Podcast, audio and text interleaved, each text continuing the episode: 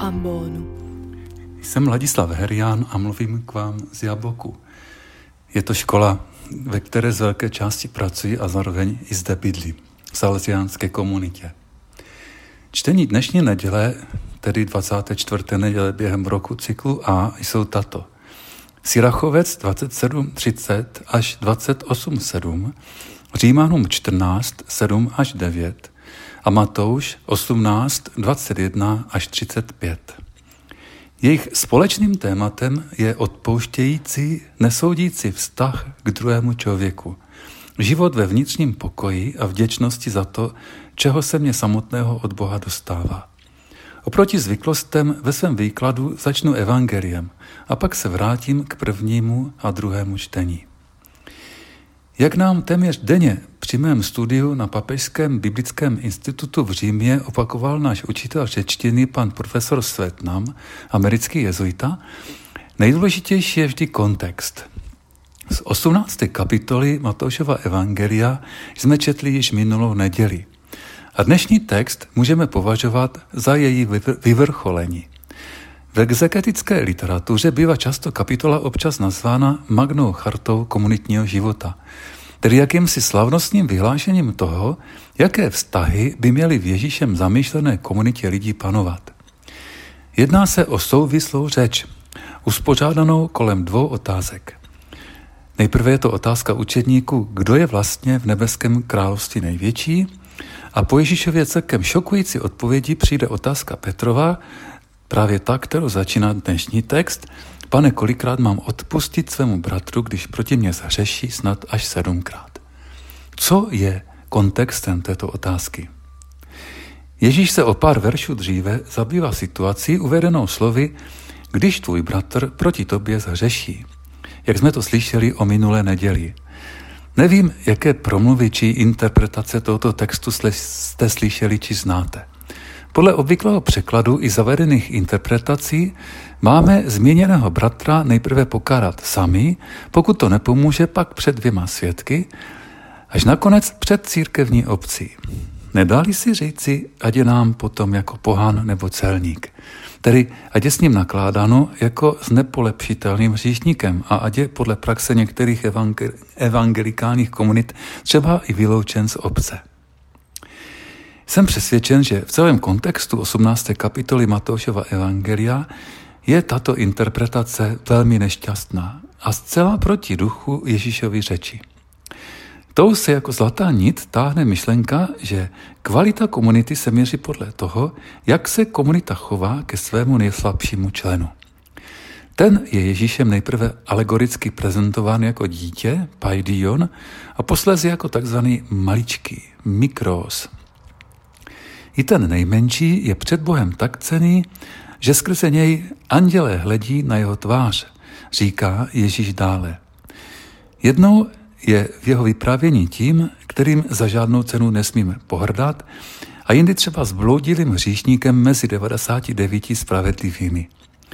Ježíš totiž svou tezi o nesmírné hodnotě každého člověka ilustruje podobenstvím o ztracené ovci, které končí větou Právě tak je vůle vašeho nebeského Otce, aby nezahynul jediný z těchto maličkých. Toto podobenství pak aplikuje na konkrétní situaci v komunitě, jak jsme to slyšeli o minulé neděli, když tvůj bratr proti tobě zřeší. Slavné vyústění tohoto textu, tedy a děti jako pohan nebo celník, nemůže znamenat vyobcování, protože by to bylo zcela proti kontextu a smyslu podobenství o ztracené ovci, které Ježíš na situaci v komunitě aplikuje. Svatý Řehoř Naziánský tuto větu údajně překládal takto. Ať je ti jako onen pohan a onen celník, tedy bral v potaz řecký určitý člen ho, který před oběma slovy stojí a který znamená, že se nejedná o obecné typy, nejbrž o konkrétní postavy, které již čtenáři Evangelia potkali, jmenovitě o celníka Matouše, římského setníka pohana, kterému Ježíš uzdravil syna, a syrofenickou ženu pohanku, které uzdravil dceru. Jinak řečeno, nade všemi, jak nad celníkem, tak nad oběma pohany, se Ježíš smiloval a prokázal jim milosrdenství. Slova a děti jako onen pohan a onen celník, tedy ve skutečnosti nevyjadřují vyobcování, ale smilování se nad ovcí, která bloudí. Jen v tomto šokujícím řešení, které je vcela v souhlasu s kontextem a vypravěcí líní celé kapitoly, má smysl dnešní Petrova otázka. Je Ježíšovým pojetím komunity šokován a proto bere Ježíše za slovo a ptá se, když můj bratr proti uh, mě, mě zřeší, že jo? tak tedy, pane, kolikrát mám odpustit svému bratru, když proti mě zřeší? Snad až sedmkrát? Ježíšova odpověď je ovšem neméně šokující. Pravím ti ne sedmkrát, ale až sedmdesátkrát sedmkrát.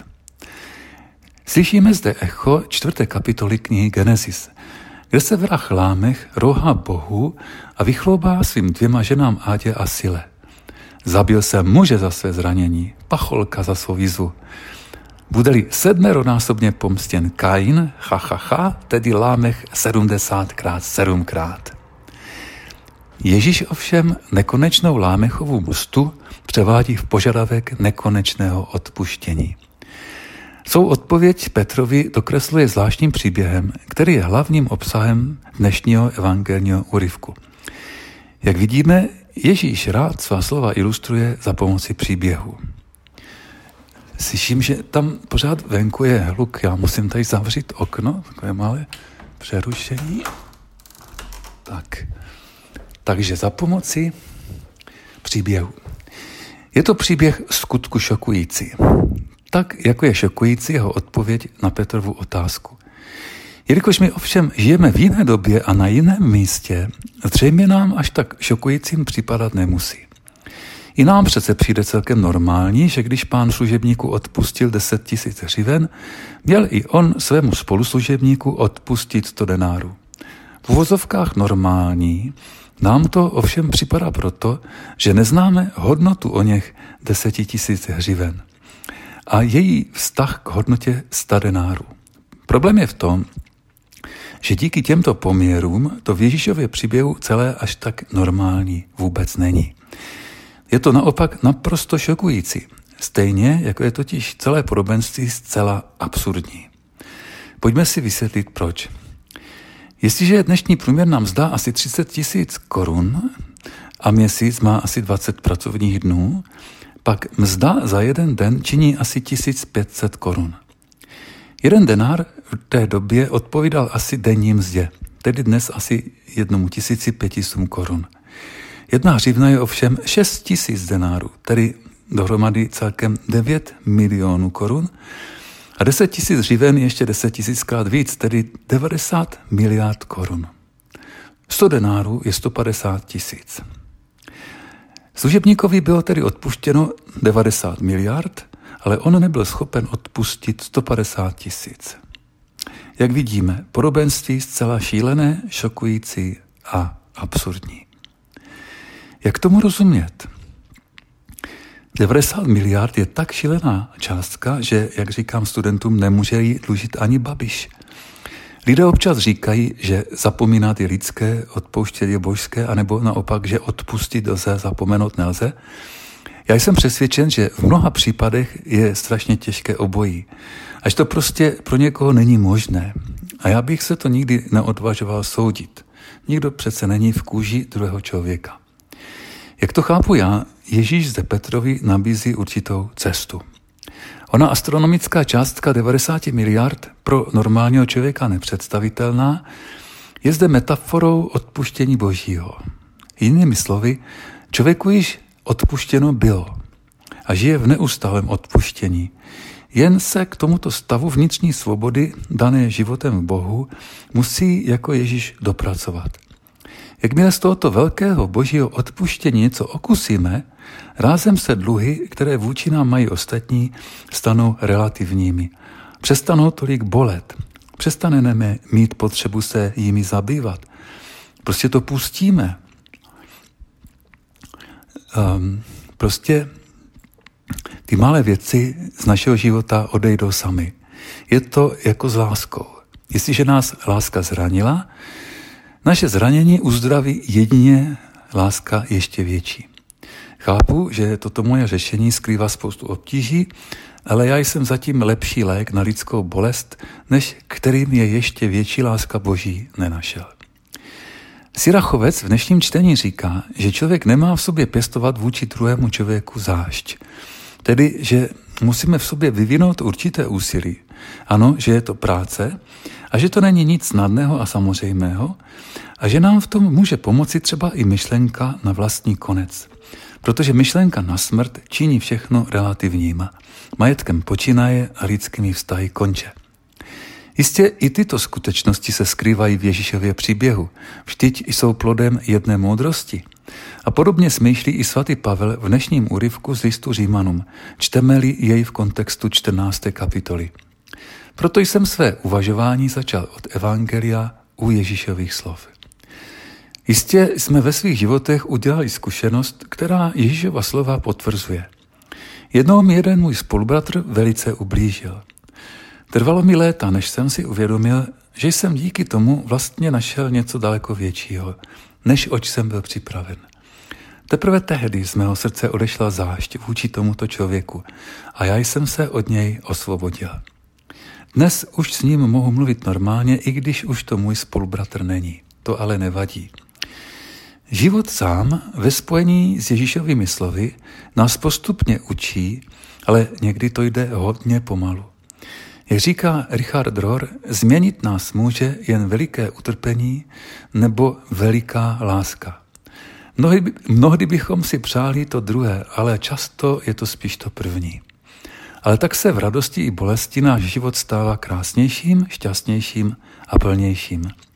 Snad proto chce Ježíš i těmito svými zvláštními podobenstvími, jakým je to dnešní, člověka přivést k podstatě věcí i k sobě samým.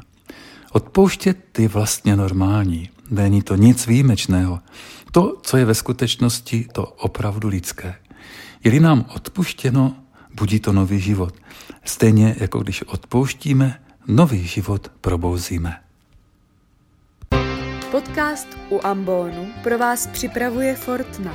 Slovo na všední i sváteční dny najdete každé pondělí a pátek na Fortna EU a na Spotify.